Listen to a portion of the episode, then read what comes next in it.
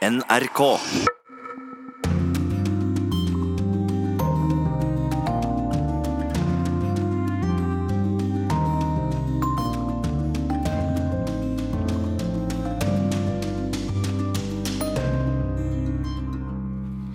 Klokken har passert 11.03. Du lytter på NRK P2 eller Alltid nyheter. Programmet er Urix på lørdag.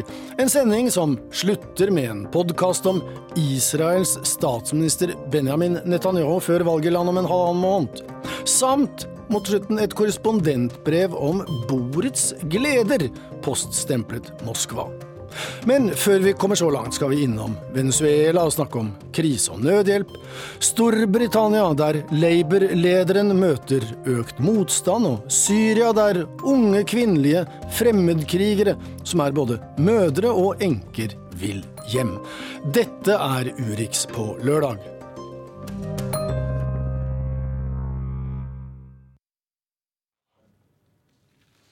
Men vi begynner i Venezuela, der det både er politisk og økonomisk krise. Landet har nå to presidenter. En folkevalgt, Nicolas Maduro på venstresiden, og en president fra høyresiden, Juan Guaidó, som er valgt av nasjonalforsamlingen. Begge har betydelig legitimitet. De legger bare vekt på forskjellige lover i den kompliserte konstitusjonelle situasjonen landet befinner seg i. Mange land har anerkjent Guaidó. Men så lenge han har støtte fra de militære, så er landets reelle president fremdeles Niklas Maduro. Que viva la decisión revolucionaria del pueblo de Bolívar. Que viva la revolución bolivariana. Når Nicolas Maduro offisiell president i den bolivarianske republikken Venezuela taler til folket, så bruker han ofte dette adjektivet bolivariansk. Den bolivarianske revolusjon, det bolivarianske folk, bolivariansk solidaritet. Alt er en hyllest av og henvisning til nasjonens grunnlegger Simón Bolívar. Y digamos con Bolívar y desde Bolívar, leales siempre. Leales siempre a Bolívar! Sentralt i Caracas ligger Casa Natal, frigjøringsheltens barndomshjem. Et romslig hus med mange værelser, preget av overklasse og velstand. Her ble landsfaderen Simón Bolivar født i 1783. Det er lite i de staselige omgivelsene som tilsier at den privilegerte overklassegutten skulle bli revolusjonshelt, samt inspirasjonskilde for et tilsvarende eksperiment mer enn 200 år senere. Unge Simon vokste altså opp i gode kår, og selv om han mistet begge foreldrene i ung alder, så dro han, som alle unge venezuelanske menn av adelig byrd den gang, til Europa for å få seg utdannelse og ektefelle.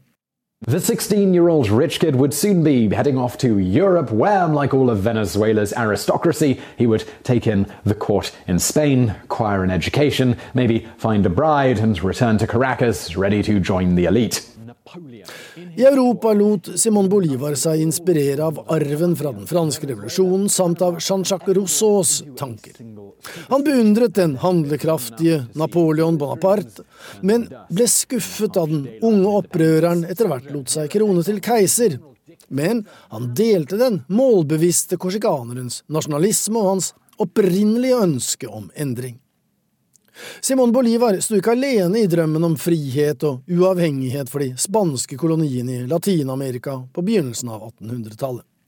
Og på grunn av uro og omveltning i det spanske kongedømmet i 1808, så åpnet muligheten seg for væpnet motstand mot monarkiet.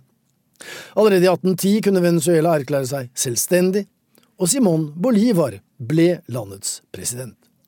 Men Motkupp og kontrarevolusjoner hindret en fredelig utvikling.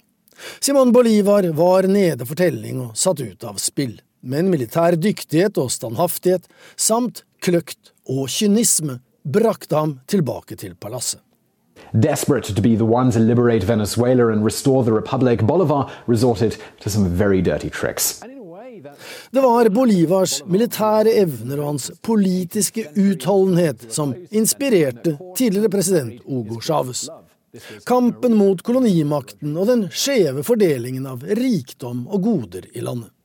Bolivars visjon, basert på selvberging og folkestyre, patriotisme og uavhengighet, dannet grunnlaget for Chávez sin bolivarianske ideologi. President Maduro videreførte modellen, ikke minst alliansen mellom folket og de militære. Soldatene skal brukes til å bekjempe fattigdom, ikke til å undertrykke de fattige, sier Maduro. La unión cívico-militar que trajo victorioso a Bolívar hace 200 años. Simón Bolívar er alle latinamerikaneres frigjøringshelt. Byer og gater, parker og skoler er oppkalt etter ham. I Venezuela bærer både den internasjonale storflyplassen og den sterkt utsatte og kraftig devaluerte valutaen hans navn. Bolivar bidro sterkt til å frigjøre store deler av kontinentet, og han står på sokkel i en rekke land, Derfor er det naturlig for stater som Peru og Bolivia, Ecuador og Colombia å hjelpe et broderfolk når lagrene er tomme for mat og medisiner. Men i det dypt splittede Venezuela, der de to sidene i konflikten anerkjenner hver sin president, har det gått politisk prestisje også i nødhjelpen. President Maduro fnyser av hjelp fra USA. Donald Trump er ikke interessert i venezuelanere, sier han. Trump er bare interessert i Venezuelas råvarer og naturressurser, gull og olje. ¿Alguien puede creer el cuento que Donald Trump quiere mucho a Venezuela? ¿Qué es lo que quiere Donald Trump de Venezuela? El petróleo, el oro, las riquezas de Venezuela. Mer enn tre millioner venezuelanere har flyktet, de fleste til Colombia. De to landene har en felles grense like lang som Norges samlede grenser fra Halden til Kirkenes. Men Maduro har i Simón Bolivars navn nektet opposisjonens president Juan Guaidó å åpne grensene for import av nødvendige varer uansett behov. Det er en politisk avgjørelse som støttes av mange venezuelanere. Samtidig er det en humanitært tvilsom beslutning som kritiseres av kanskje like mange som også i sin tid støttet den bolivarianske revolusjonen. Hasta la victoria siempre, pueblo de Bolívar. Gracias, muchas gracias. Ja, og det var eh, president eh, Maduro. Og i norsk nattid så ble det arrangert en konsert i Cocota, en stor by i Colombia, altså nabolandet, noen hundre meter fra en av broene som forbinder disse to landene. Men den broa den er stengt, og ingen nødhjelp kommer inn i Venezuela da denne presidenten vi nettopp hørte, Maduro, mener at eh, det ikke er noe nød i landet, og han hevder at det han mener er såkalt hjelp, det bare er et skalkeskjul for å forberede en amerikansk invasjon. Det var den britiske Virgin-milliardæren Richard Branson som sto bak denne Venezuela Aid Live, og der var du, Sissy Lorak fra SOS Barnebyer, og aller først, hvordan var denne konserten? Nei, konserten var jo ment å være en upolitisk eh, markering. Ehm, og der var det en rekke kjente band, mer kjent kanskje for de som bor i Sør-Marika enn de som bor i Europa. Og det var 318 000 mennesker, eller 17 000 mennesker tror jeg de telte til slutt, eh, som deltok på dette. Både fra Colombia og Venezuela, siden dette er en grenseby. Ja, og um, nå var jo også denne, for å kalle det alternative presidenten Juan Guaidó, han var i, i, byen og var på storskjerm. Var det noen uh, begeistring i forsamlingen over å se at han var der, og for så vidt støttet de som var der og den konserten? Mm, ja, det var både begeistring og, og overraskelse. Det har jo vært et stort tema her hvorvidt eh, han ville klare det eller ikke. Men du, Det viktige i denne sammenhengen det er jo folket. altså de, Det er jo bortimot tre millioner venezuelanere som har flyktet, mange av dem til Colombia. Du har snakket med et fåtall riktignok av disse, men hva sier de nå om forholdene i hjemlandet? De beskriver en situasjon hvor de mangler eh, alt, man, alt, det grunnleggende man trenger for å overleve. Som, eh, de beskriver matmangel, de beskriver sult. Eh, de har ikke tilgang til nødvendige medisiner. Og de ser heller ingen snarlig slutt på denne situasjonen. Så det er dypt fortvilte mennesker som forlater da det de eier og har. Og ofte har jo det også blitt eh, veldig lite i verdi. Men du jobber altså i SOS Barnemyr. Er det, er det mange barn blant disse flyktningene som eh, blir eh, revet opp med, med røttene, så å si? Ja, det er ca. 30% av de som nå er i Colombia, er barn. Eller de som flykter over grensene i Colombia, er barn. Og en del av de reiser alene. Mange reiser alene av de som er litt over 15 år. Eh, men kanskje det største problemet er at veldig mange barn blir etterlatt også mens foreldrene prøver å skaffe et grunnlag til eh, overlevelse i Colombia. Og så blir de da hentet. Og mange av de barna vi eh, møter og snakker med, de beskriver jo lange perioder hvor de har vært uten foreldrene sine. Både i Venezuela, men nå også i Colombia, hvor, hvor, hvor, vi kan møte hvor vi kan møte mødre som ikke bare tar vare på sine egne barn, men, men også søsterens barn eller brorens barn. Og, eller, ja, sånne veldig store barnerike familier på grenseområdene, mens, mens de voksne gjerne prøver å ta seg videre for å skape et nytt liv. Men til slutt, eh, Sissel Orak. Eh, frykter de krig? Ehm, det er stor uro i området her nå, og det er det, det, de sier når man spør, i den grad at man tør å uttale seg om noe, er at vi har sluttet å ha noen forventninger til hva som kan skje. Da sier vi takk til deg, Sissel Aarok i eh, Colombia. Og eh, vi fortsetter sendingen i et annet hardt prøvet land. Det er eh, Nord-Korea. Vår Asia-korrespondent har besøkt dette landet og kom faktisk ut fra, fra hovedstaden der i dag. Det skal være et toppmøte neste uke mellom Nord-Koreas Kim Jong-un og USAs president Donald Trump. Og Kjersti Strømmen, er det noen særlig toppmøtefeber i, i Pyongyang? Overhodet ikke. Da vi reiste ut fra Pyongyang i dag tidlig, så var det fremdeles eh, ingen som visste at det skal være toppmøte i Vietnam eh, nå til uker. Dette er jo et eh, regime som har en strengt kontrollert informasjonsflyt, trass at eh, en god del av befolkningen har fått mobiltelefoner. Og mye av informasjonen rundt eh, det lederskapet foretar seg, eh, holdes veldig tett til brystet. Men fikk jo, de fikk jo vite da befolkningen i eh, Nord-Korea mye om det toppmøtet som var i Singapore i juni. Så det er vel kanskje venta at de òg kommer til å få vite mer om eh, dette toppmøtet når det først skjer. Men du, I et uh, muligens da forberedende tiltak hva vet jeg, så har nordkoreanerne for første gang innrømmet at det er sult i landet. Dette har jo vært kjent lenge, så hvorfor innrømmer de det nå? Ja, Det har i hvert fall vært kjent eh, nå i det siste i eh, diplomatiske kretser at eh, de sliter. Det har vært da, tørke, det har vært tyfoner og, og eh, sykdomsutbrudd som har gjort at eh, disse områdene der man driver jordbruk, som jo bare er maks 20% av landet, eh, der har det vært tøffe tider. Og Der sier nå myndighetene at nå sliter de, og vil at verden skal vite om det. Det virker likevel ikke som om dette er et rop om hjelp. Det virker som om dette folket har bestemt seg for at de skal stå på egne bein. De bruker veldig mye ordet sjølberging om seg sjøl, og sier at eh, de skal rett og slett klare seg sjøl uansett eh, hvor mye sanksjoner de blir påført. Så dette er nok eh, kanskje et tegn på at de ønsker å vise verden at eh, dere rammer oss hardt. og Det var jo meningen med disse sanksjonene at det ikke skulle ramme befolkningen, men det vil da regimet i Pyongyang at verden skal vite at det nå gjør. Eh, så sier man òg da eh, i diplomatiske kretser at det er jo bra med åpenhet, at nordkoreanerne nå løfter litt på sløret og faktisk vil innrømme at eh, de eh, sliter. Så, sånn sett så er det jo positive tegn også.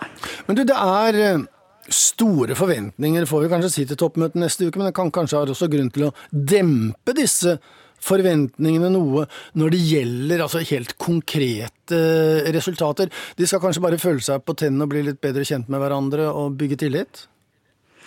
Ja, Det som kanskje er det mest eh, interessante, syns jeg iallfall fra dette toppmøtet, vil være hva konkrete tiltak nordkoreanerne mener at de krever for at denne prosessen skal gå videre mot atomnedrustning på Koreahalvøya.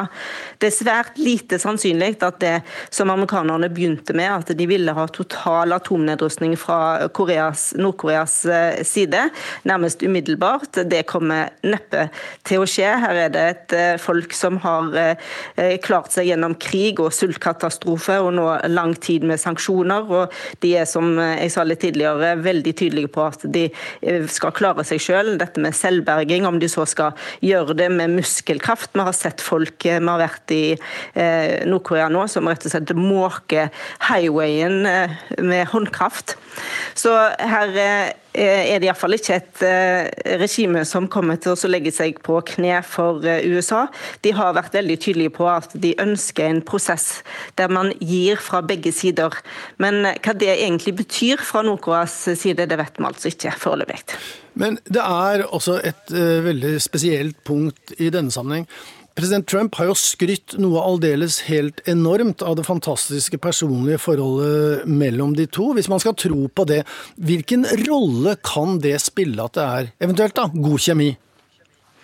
Ja, Det tror jeg spiller veldig stor rolle iallfall for eh, nordkoreanerne. Men samtidig så har eh, de jo sett hva som har skjedd både med Russland og Iran. Og for USA når det gjelder avtaler, så de stoler nok ikke særlig på USA i lengden. så Derfor så ønsker de da å ha, bygge opp en tillit som er varig, eh, og der de ikke føler at de stiller seg nakne. Og Enn så lenge så er dette atomvåpenprogrammet deres viktigste forhandlingskort, så det kommer de nok til å holde ganske godt på til de føler at det er grunn grunn til å stole på verden utenfor. Da sier vi takk til deg, Kjersti Strømmen i Beijing. Det er jo ikke vår rolle å ønske lykke til, men akkurat når det gjelder dette toppmøtet, så får vi håpe på positive resultater.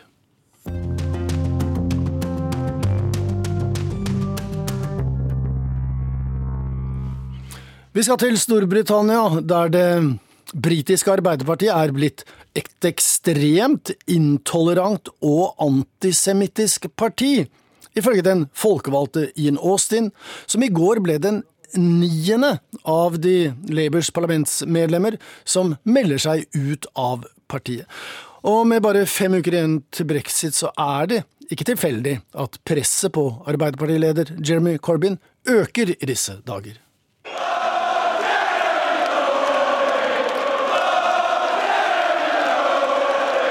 Arbeiderpartiets leder Jeremy Corbyn har begeistret mange velgere her i Storbritannia de siste årene. Men hvetebrødsdagene etter brakvalget i 2017 er definitivt over for mannen som har styrt partiet mot venstre siden han tok over i 2015. Nå har mange fått nok av det de kaller både en stalinistisk og autoritær lederstil. Her er Ian Austin. I knock on doors in Dudley every week jeg går fra dør til dør i Dudley hver uke, og jeg har ikke tall på alle de som sier de har stemt på Arbeiderpartiet hele sitt liv, men som ikke kan støtte Arbeiderpartiet med Jeremy Corbyn som sjef. Austin ble i går en av de siste i rekken av arbeiderpartifolk i Underhuset som melder seg ut i det som er den største og mest alvorlige splittelsen av partiet siden 1981.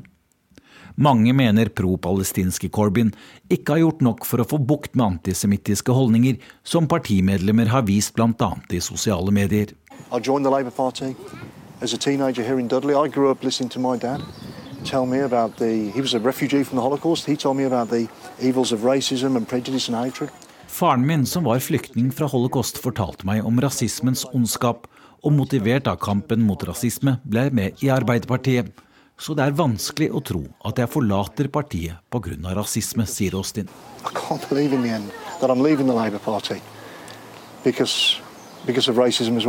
Men det er helt på det rene at med bare 34 dager igjen til brexit, så har splittelsen i Labour bakgrunn i den betente EU-saken.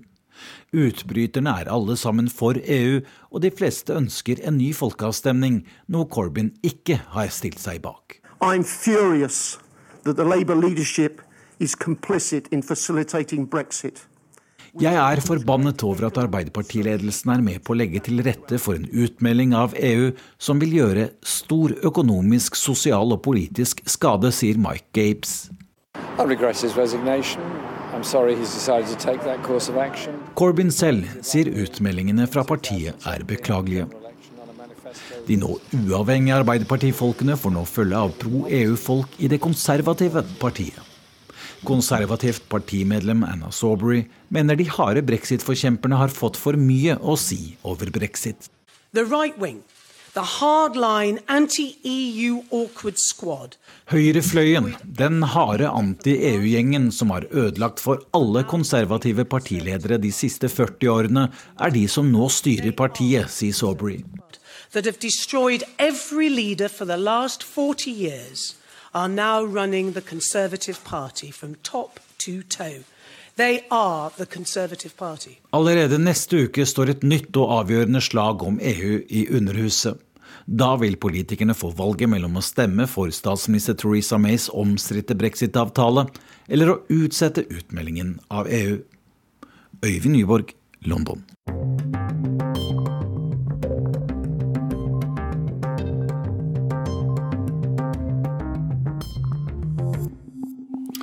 Og nå til Midtøsten, der eh, den islamske staten, som jeg har kalt det, og deres kalifat i Syria og Irak nå er så godt som utradert, og de fleste IS-krigerne de er enten drept, de er tatt til fange, eller de har flyktet. Tilbake sitter da konen deres, tusenvis av IS-kvinner, og ikke minst barna deres, som nå ingen helt vet hva de skal gjøre med. I store interneringsleirer venter de på sin skjebne. NRK har møtt Lisa fra Göteborg i en leir i det nordøstlige Syria. Jeg ønsker at den svenske befolkningen ikke skal se meg som uh, en fare. Og ikke skal se min familie som farlige mennesker. Og jeg vil at Sverige skal ta oss hjem igjen. Jeg vil så gjerne komme hjem til Sverige. Jeg bare savner normalt liv og se mine barn leke med normale leksaker. Jeg vil ta mine sønner til skole og dagis. Jeg vil gå og handle på Willys og bare sitte i sofa, i normal sofa og Jeg savner til og med svenske, svenske husen. Jeg savner alt som har med Sverige å gjøre. Ja, Eirik Wem, eh, det er du som har eh, snakket med Lisa fra Göteborg. Du traff henne i Syria for noen dager siden. Du hadde besøk i en av disse IS-leirene der disse kvinnene og, barna deres holdes internert. Og aller først, hvordan er forholdene der de holder til nå? Jeg vil kalle det deprimerende. Eh, de bor jo i trange telt. Det er vinter i Syria nå. Kaldt, det regner. Det er søppel, avføring eh, overalt. Mange blir syke av lite eller dårlig mat. Det ligger en sånn eim av stank av diaré og oppkast over disse leirene, eh, i hvert fall der vi, vi var. Ganske tøffe tak internt òg. Eh, kvinnene har delt seg i ulike fraksjoner, mye basert på hvilket land de kommer fra. De kriger nå litt, litt internt. De nordiske står ganske svakt, for de er, de er få. Mens russerne og tunisierne de, de, de bestemmer. Når det er sagt, så er det nok mange av kvinnene som er, er glad for at de helt tatt er i live. Det finnes mange eksempler på IS-sympatisører som når de ble tatt i fange, ble stilt opp foran en grøft og, og skutt i hodet, og, og, det var det. Det er jo tid for hevn både i Irak og Syria nå. Så, så kvinner og barn i interneringsleire som har kommet dit, de er jo heldige på et vis. Men du, hva, hva snakker vi om? Snakker vi om, om kvinner som har levd på en måte i et slags øh kjernefamilieforhold med, med, mann og barn i sitt eget hus, eller er, det, eller er det traumatiserte kvinner som har vært nærmest sexslaver og blitt voldtatt av IS-krigere? Altså Kvinnene i kalifatet kan deles i to grupper. De vi har hørt mye om, er jo disse kvinnene i, i seksuelt slaveri. Disse kvinnene vi nå snakker om, såkalte IS-kvinner, det, det, var overklassen.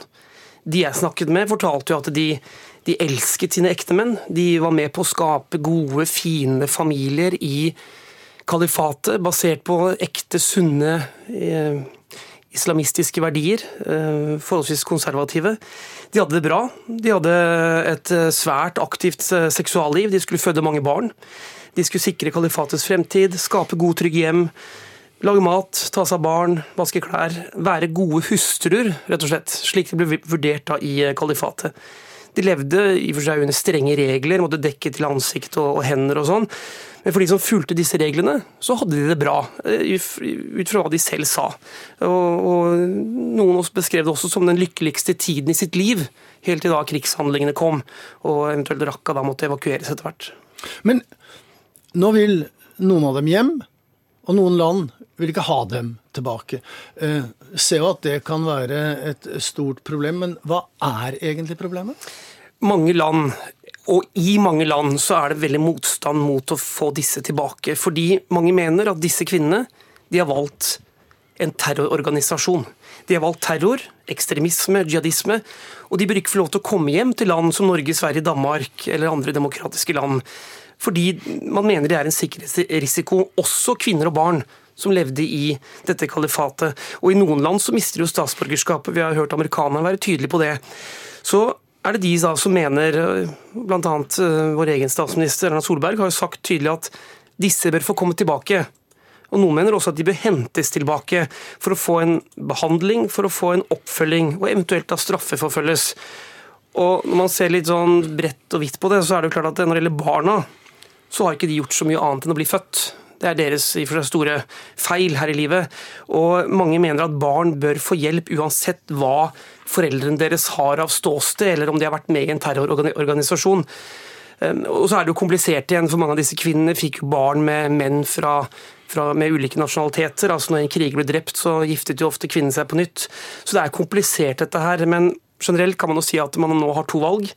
Enten kan disse kvinnene og barna sitte i disse leirene og råtne til de dør, eller så kan de hentes hjem fordi de er mennesker. Da sier vi takk til deg, Eirik Wem, nettopp hjemkommen fra Syria.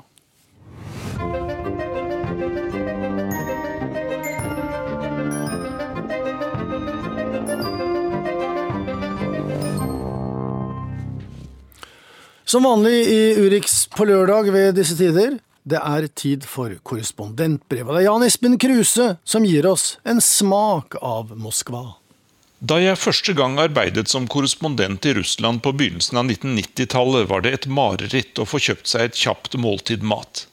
På inngangsdøra til restaurantene hang det som regel et skilt der det sto 'Njet om gjest' eller 'Ingen ledige plasser'.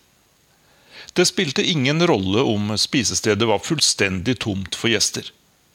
De som arbeidet i restaurantene fikk samme lønn enten de gjorde noe eller ikke, så derfor ville de helst ikke at folk kom innafor døra og forstyrret dem. Og hvis jeg fikk kjempet meg til en plass, så var servicen og kvaliteten på maten ikke akkurat noe å skryte av, for å si det mildt. Kontrasten mellom det som var for nesten 30 år siden og det som er nå, er naturligvis veldig stor. Men med min bakgrunn fra gamle dager så blir jeg hele tiden veldig imponert når jeg nå er ute og spiser i den russiske hovedstaden. Og jeg får vel innrømme med en gang at mat og godt drikke er en slags hobby for meg. Jeg har stor glede av å prøve nye retter, eller kjente retter med nye og spennende vrier. Min kone og jeg spør og graver når vi får servert interessant mat, og av og til kan vi plukke med oss ideer som også kan brukes på kjøkkenet hjemme. Til glede for oss selv og gode venner. Nå har jeg vært i Moskva i om lag et halvt år, og jeg føler at jeg ikke kan sitte lenger og ruge på denne hemmeligheten. Matglade nordmenn som er på utkikk etter noe nytt og spennende, må få vite at den russiske hovedstaden nå er stedet å reise til. Turen må riktignok planlegges litt på forhånd, for norske statsborgere må ha visum til Russland. Men det er tross alt fullt mulig å ordne. Så la meg starte med det folkelige og russiske innen matveien. En kjede med navnet Grabli serverer mange forskjellige forretter som russerne er så glad i. Det kan være sildesalater, majonesbaserte salater, oppskåret fisk og kjøtt. I disken er det bare å plukke med seg. Det blir ingen formue av det uansett. Russerne kan ikke tenke seg en middag uten en kraftig suppe, og den klassiske rødbetbaserte borsj må bare prøves. Med rømme oppi, naturligvis. Det tilbys en lang rekke varmretter, og russerne elsker stekte poteter til. Danilovskij Rynok er et av de gamle og kjente markedene i Moskva. Det var stedet der jeg kjøpte russisk kaviar i gamle dager. Da jeg oppsøkte dette markedet igjen, ble jeg ganske overrasket. Det ligger innendørs i en litt futuristisk bygning som ble satt opp den gangen kommunistene styrte i Sovjetunionen. Det er fortsatt et levende marked der det er mulig å kjøpe all slags kjøtt, fisk, grønnsaker og frukt. Men langs kanten på innsiden av den runde bygningen er det satt opp kafeer tett i tett. Der er det mulig å få rimelig og god mat fra mange av verdens hjørner, i tillegg til det russiske. En av kafeene har spesialisert seg på piroger, der fyllet inni den stekte deigen kan bestå av kål, potet, kjøtt eller frukt og bær. Og så får jeg vel avsløre enda en hemmelighet, da. På Danilovskij kjøper jeg fortsatt den beste og rimeligste kaviaren. Selv om det egentlig ikke går an å bruke ordet rimelig om Russlands sorte gull. Prisen er ca. 400 kroner for et glass med 50 gram kaviar hos min kilde. Men jeg røper ikke hva hun litt fyldige damen på hjørnet av fiskeavdelingen heter. Noe må jeg tross alt holde for meg selv. Min russiske fotograf Jurij Linkevitsj er også en matglad mann. Han kommer stadig vekk med gode råd om restauranter der det arbeider unge og kreative folk som har mye å bevise. Det er ingen vits i å åpne en middelmådig restaurant i Moskva i dag. Den kommer til å gå konkurs i løpet av kort tid, pleier jury å si entusiastisk. Forklaringen er at det like i nærheten uansett vil være én eller flere restauranter som er veldig gode. På fotografens anbefaling besøkte vi Severjanje, eller Nordlendingene på norsk. I det åpne kjøkkenet hevdet kokkene at de laget mat inspirert av skandinaviske tradisjoner. Det var spennende vrier på både sjømat og kjøtt, men ikke så mye som jeg forbinder med Skandinavia. En av restaurantene som har fått mest omtale i Moskva de siste årene, er White Rabbit. Den har flere år på rad vært med på en liste over verdens 50 beste mattempler. Det sier seg vel selv at dette ikke er billig, men det er ikke latterlig dyrt heller. Man behøver nemlig ikke å være en superrik russisk oligark for å gå hit. Smaksmenyen ligger på rundt 1500 norske kroner per person, og eventuell vin kommer naturligvis i tillegg. White Rabbit skryter av å bruke gamle russiske oppskrifter som et utgangspunkt for sine retter. Men det som kommer på tallerkenen, minner svært lite om noe jeg har smakt før. På et sted som dette betaler man for å bli overrasket og imponert. Og den som er interessert i mat på dette nivået, vil ikke bli skuffet på dette spisestedet. I desember ble jeg invitert på et slags julebord av ANSA, organisasjonen for norske studenter i utlandet. Studentene ville gjerne høre litt om jobben som korrespondent og mine erfaringer fra landet. Og de hadde bestilt bord på en restaurant som jeg aldri hadde hørt om.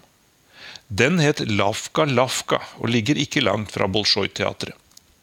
Restauranten samarbeider med mindre produsenter, og på menyen står navnet på personen eller firmaet som står bak de forskjellige ingrediensene. Mye av fisken kommer fra burmansk område. kjøttet kommer både fra nær og fjern. Igjen er utførelsen original og smaken veldig bra. Men hva så med vin i Russland? Studentene hadde bestilt det som for meg så ut som en flaske fransk rødvin. Jeg smakte på den og ble overrasket. Den var fyldig og hadde fin smak av mørke bær og litt krydder, og ettersmaken var lang.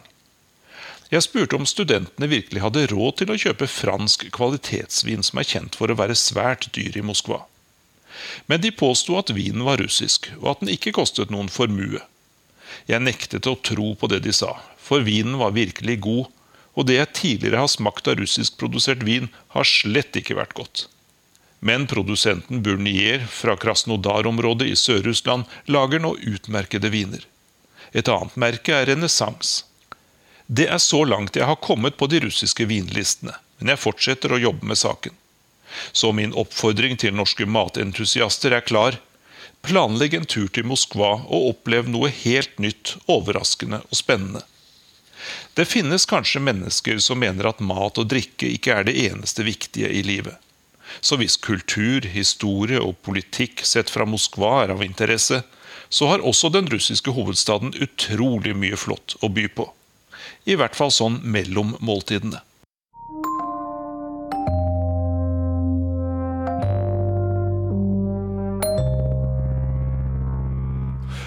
Det heter seg for tiden her i NRK at eh, alle program skal ha et digitalt fotavtrykk. Det gjelder også dette programmet, så her kommer det. NRK Urix sin podkast. Han er i ferd med å slå litt av en rekord. For i juli kan Benjamin Netanyahu bli den som har vært statsminister i Israel aller lengst. Enda lenger enn landsfaderen selv, David Ben Gurion. Men først må han vinne valget om noen uker med heftige korrupsjonsanklager hengende over seg. Og det ligger det an til at Bibi, som han kalles, klarer helt fint. Hvorfor det, egentlig? Krig og fred med Tove Bjørgaas og Tore Moland. היא אחת מיסודות הדמוקרטיה הישראלית. בדמוקרטיה יכולה להיות ביקורת על מערכת המשפט, כמו שיש ביקורת על הכנסת, כמו שיש ביקורת על הממשלה.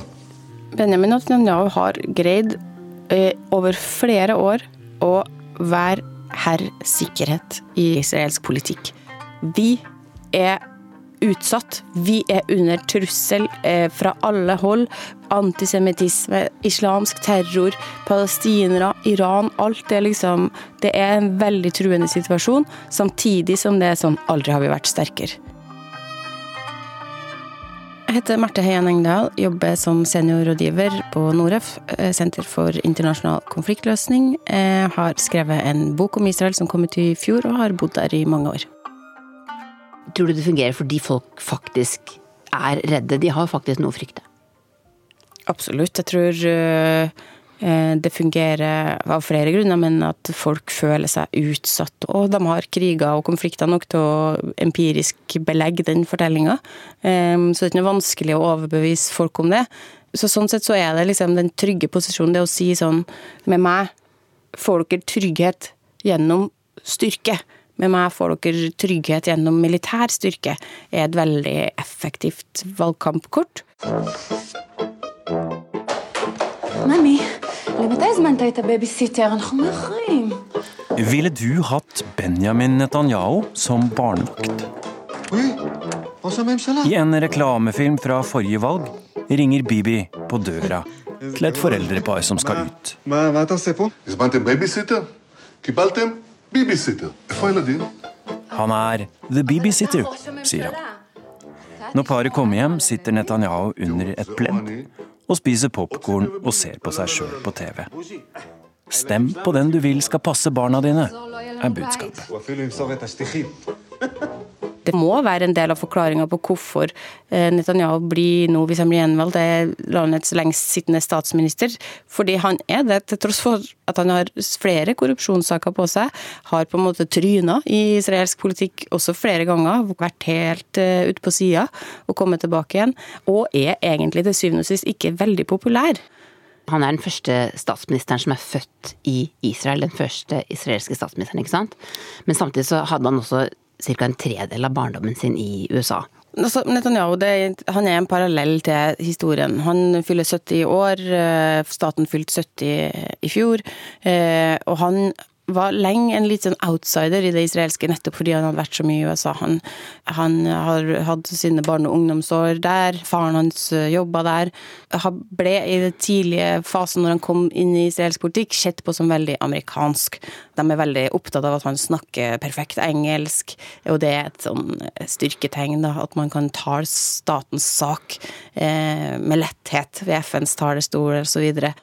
Han er tatt med seg fra Amerika, det her personifiserte politikken, der han og familien spiller en sterk rolle og eh, sånne, snakker i sånne såkalte soundbites. Men han kunne liksom ikke helt lykkes med å være israelsk nok for israelerne. Han var litt for preppy, han var litt for sånn ja, litt for amerikansk. Du skulle være litt mer røffer rundt kantene og litt mer ikke snakke så pent. Du skulle liksom bare gjøre, være en doer. Da er det hæren. Tjenestegjøring i en elitedivisjon i det israelske forsvaret. Han, gjennom sin tjenestegjøring i denne elitedivisjonen, så eh, Som er en sånn topphemmelig sak der eh, som ingen kan egentlig si så mye om hva man har gjort, men har man vært der, så er man veldig liksom, Da spydspissen av det israelske forsvaret. Det var en viktig del for hans eh, israelifisering, da, å greie å liksom være en del av det israelske fortellinga.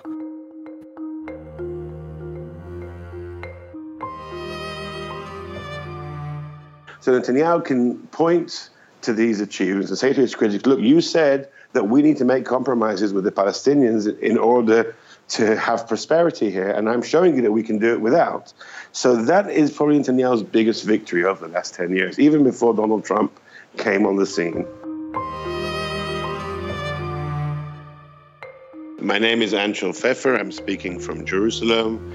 I'm a correspondent and columnist for Haaretz newspaper in Israel and the writer of the biography of Benjamin Netanyahu, Bibi, The Turbulent Life and Times of Benjamin Netanyahu. What is his core, in your opinion? Well, I think the first thing that one should bear in mind when talking about Netanyahu's core, what, the things that really motivate him, is that he's a son of, a, of, of, an historian. His father was a man who spent his life studying the history of the Jewish people, and he sees uh, Jewish survival and Jewish existence in a very long historic arc of, uh, of fighting for survival. If they do not keep the, up their guard, if they do not remain vigilant all the time, then they are in, uh, in, in, great danger and, and in, in, in, actual danger of destruction.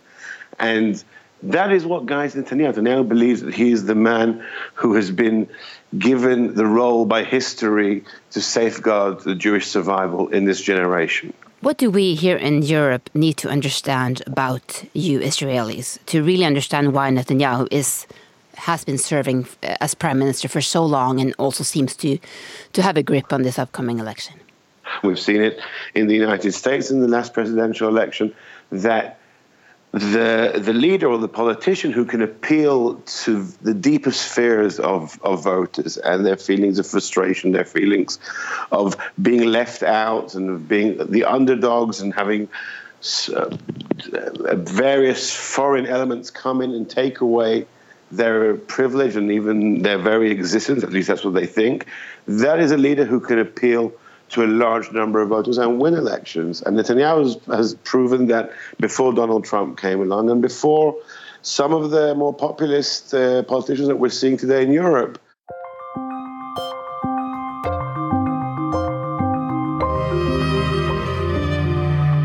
What, what do you think of uh, Bibi Netanyahu? I think he's very talented. He has a lot of skills but I believe that uh, all the years make him a little bit of uh, corrupted.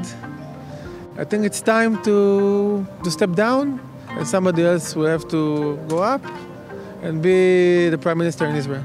Eh, I går så var jeg ute og snakket med israelske velgere. Jeg snakket med, med ca. ti personer, og de aller fleste svarte da at sikkerhet var det viktigste for dem. Og da er det opplevd sikkerhet. altså De snakker om sikkerhet fra raketter fra Gaza, sikkerhet på det de ser på som trusselen fra Hezbollah i nabolandet Libanon, og sikkerhet fra Iran. Jeg heter Kristin Solberg, og jeg er NRKs Midtøsten-korrespondent. Og akkurat nå er jeg i Jerusalem altså høyresiden i israelsk politikk, og, og, da spesielt Netanyahu, de har lenge hatt liksom monopol på det å såkalt være gode på sikkerhet. Slik at det vi ser er at Når, noen, eh, når det har kommet en motstander fra venstresiden eller fra sentrum, så, så har det blitt en mye mer vellykket kandidatur hvis de har hatt en sterk militær bakgrunn. Og Det er jo da nettopp fordi da kan de med legitimitet fremstille seg selv som noen som tar sikkerhet på alvor. לראש ממשלת ישראל בנימין נתניהו על שירותו במשך עשר שנים. אנחנו ממשיכים מכאן. Jeg takker Netanyahu for hans lederskap de siste ti åra. Vi tar over herfra, sier Benny Gantz. Den tidligere hærsjefen er trolig Netanyahus viktigste utfordrer ved dette valget. Du var på møte med, med, med Benny Gans du, denne uka. Hvordan var stemningen der? Ja, Det var jo god stemning eh, der. Jeg snakket med flere av hans støttespillere som, som mente at uh, han var den rette til å ta over uh, etter Netanyahu. At han hadde den riktige bakgrunnen, og at de så på han som en uh, moralsk leder. Selv om han ikke har veldig mye, eller nesten ingenting, pol av politisk erfaring, så så ikke det ut til å spille så mye stor rolle, i hvert fall for, for dem som, som var der. og dette med den militære bakgrunnen til Benny Gantz det var jo noe han selv trakk fram og da, da, trakk han jo fram sin, sin, sin bakgrunn som hærsjef eh, mange ganger. og Flere ganger så snakket han direkte til Netanyahu og sa ja, du Netanyahu, mens jeg var i skyttergravene eh, sammen med soldatene mine, de gjørmete skyttergravene i vinterkulden, så forlot du Israel og lærte engelsk i utlandet og praktiserte det på fancy cocktailfester. og Det ble jo mottatt med, med stor applaus eh, fra hans støttespillere. Konflikten med palestinerne er altså ingen stor sak i, i valgkampen. Men hva sier palestinerne om det, som du har snakket med? Altså De fleste palestinere jeg snakker med nå, de opplever jo en stor grad av håpløshet nå. Altså Fredsprosessen ligger jo helt med brukket rygg. Den eksisterer ikke nå. Eh, og de ser jo det at okkupasjonen og konflikten, eller noen løsning på konflikten, det, det er jo knapt et, et, et tema i, eh, i, valgkampen, annet enn i form av det israelere ser på som, som, som sikkerhet.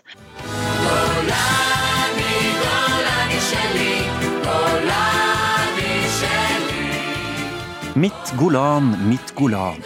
Det høres ut som en Grand Prix-låt, men dette er en av sangene unge israelere lærer i militæret. Her framført av uniformskledd ungdom på en barnefestival i 2014. Israelske gutter har verneplikt i tre år fra de er 19. Jenter har to år. Ganske tidlig i doktorgradsarbeidet mitt så satt jeg sammen med en av eh, informantene mine. Så satt vi på en bar i Tel Aviv, eh, og så sier han sant, at alle i Israel har et forhold til eh, Forsvaret. Ja vel, sa jeg da. Det, men, sånn, jeg hører det, men er det egentlig helt riktig? Og så, og så, så han på bartenderen og ba sa, kan du skru ned musikken. Bartenderen skrudde ned musikken. Og så snudde han seg til de andre i kafeen og sa Hei, har dere Hvor mange her har vært i Forsvaret? Det var så interessant, for da så du at for første, alle disse som var der, rakk opp hånda. Det var sånt, eh, la oss si omtrent 25 stykker. Og så spurte han sant, hvor har du vært, og så viser det seg at den ene etter den andre Det var en skarpskytter, det var en infanterist, det var en paratrooper. Det ene etter den andre hadde også vært i, uh, involvert i, i, skarpe oppdrag. Og det sier jo ganske mye. ikke sant? Du sitter på bar, solen går ned i Middelhavet, og så har alle sammen vært ute uh, og kjent på hva skal jeg si, smerten og realiteten av det, hva det innebærer å være i skarpe oppdrag. Jeg heter Hanne Eggen Røiselien, og jeg er forsker og rådgiver i Cyberforsvaret. Tror du det du akkurat har fortalt, gjør at mange av disse unge menneskene syns det er helt naturlig at Israel har en, en leder med sterk militær bakgrunn?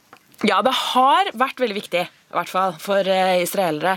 Men, men ikke uh, bare fordi at uh, å, en, en, som har vært i militæret er sterk, men de har Det er ingen fremmedgjøring at noen har vært i Forsvaret.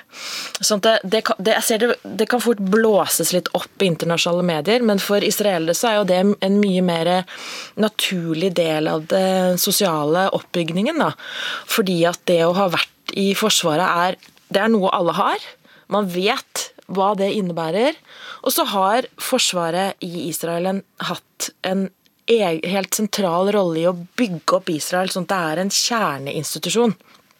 Og det betyr eh, at det israelske forsvaret har hatt en eksplisitt, altså en veldig uttalt oppgave om å bygge Israel og lage israelere. Bygge nasjonen. Ja, og, og det gjør på sånne ting som at eh, Eh, hvis du ikke, sånn, dette er jo en immigrasjonsstat eh, som har vokst, eh, som har tidoblet seg på 50 år. Og det er jo ikke naturlig vekst, da vi skal si det sånn at det er mange fødsler. Det er jo pga. immigrasjon. Og det betyr jo at folk f.eks. snakker forskjellige språk.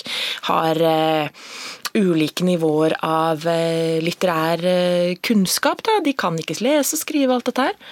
IDF er den institusjonen som har fått i oppdrag å samle dem, sånn at du får språkopplæring, du får skole og sånne ting som er viktig i nasjonsbygningen for å heve det generelle kompetansenivået, og også lære alle en sånn Hva skal vi kalle det? En litt sånn eh, grunn, nasjonal grunnpakke, da, på en måte. ikke sant? Hvis du er norsk, så må du kunne Bjørnson og Hamsun og Ibsen og Lie og nasjonalromantikk, og du må kunne litt sånne historiske ting. sant? Og det har man i stor grad lært seg i løpet av militærtjenesten. Hvis du kommer fra Etiopia eller Sovjetunionen, så blir du liksom kjørt inn i det israelske forsvaret, og så lærer du deg i tillegg til å forsvare nasjonen, også lære å lese og skrive hebraisk. Du lærer viktige ting rundt jødisk og israelsk kultur som bygger nasjonen sammen. La oss komme litt tilbake til eh, Netanyahu. Mm. Nå har han også fått en del eh, kritikk, og også en korrupsjonssak eh, bl.a. rettet mot seg. Men tror du likevel at han høyst sannsynlig kommer til å lykkes med valget i april? Ja, jeg hører nok ikke til de som tenker at dette var det siste vi hørte av Netanyahu. Eh, han har jo for, i og for seg forsvunnet ut av politikken, eh, eller skal si offentligheten, no, i kortere perioder innimellom. Men at dette betyr at han liksom forsvinner ut og dett var det, har jeg ingen tro på. Det israelske politiske livet, israelsk politikk, er så, er så vevd inn i Netanyahu og Netanyahu inn i det at um, disse korrupsjonsanklagene har jo ligget rundt han også de siste 15 årene. Så eh, at han og familien hans har vært korrupte, det er liksom noe alle har visst så lenge at det, vi ser jo at det ser ikke ut til å være helt et nådestøt for Netanyahu denne gangen heller. What do I think about Bibi Netanyahu? Not good, uh, not good things.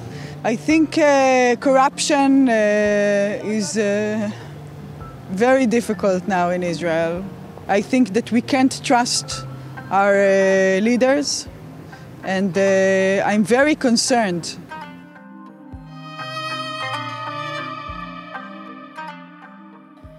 Marte Heian Engdahl, hva slags forhold har Netanyahu til eh, israelske medier? Netanyahu sitt forhold til israelsk presse eh, er at de er ute etter å ta ham. Det er en gjeng løgnaktige, venstrevridde idioter som ikke kan stoles på.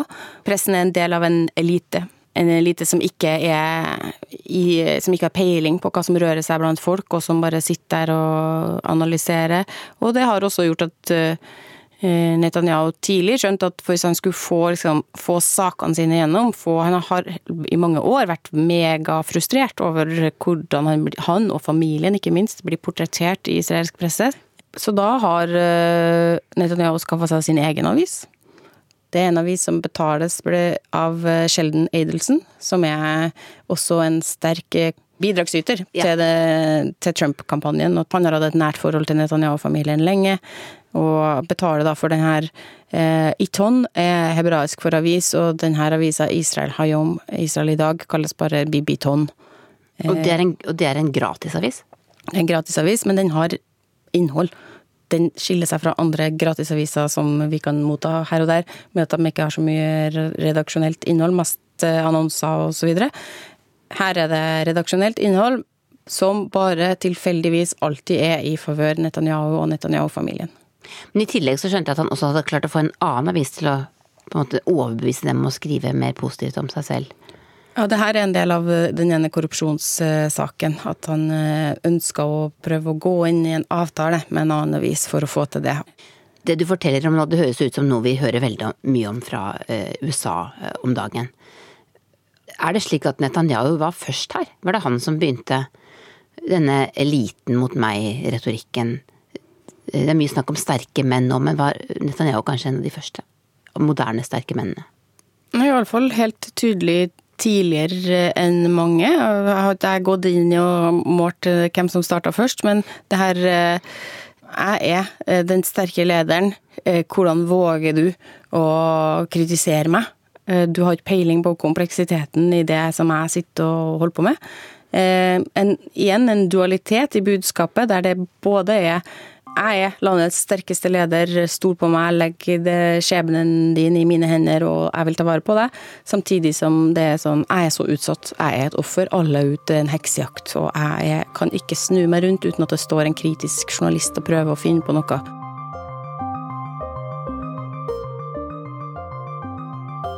Du har hørt podkasten Krig og fred fra NRK Urix.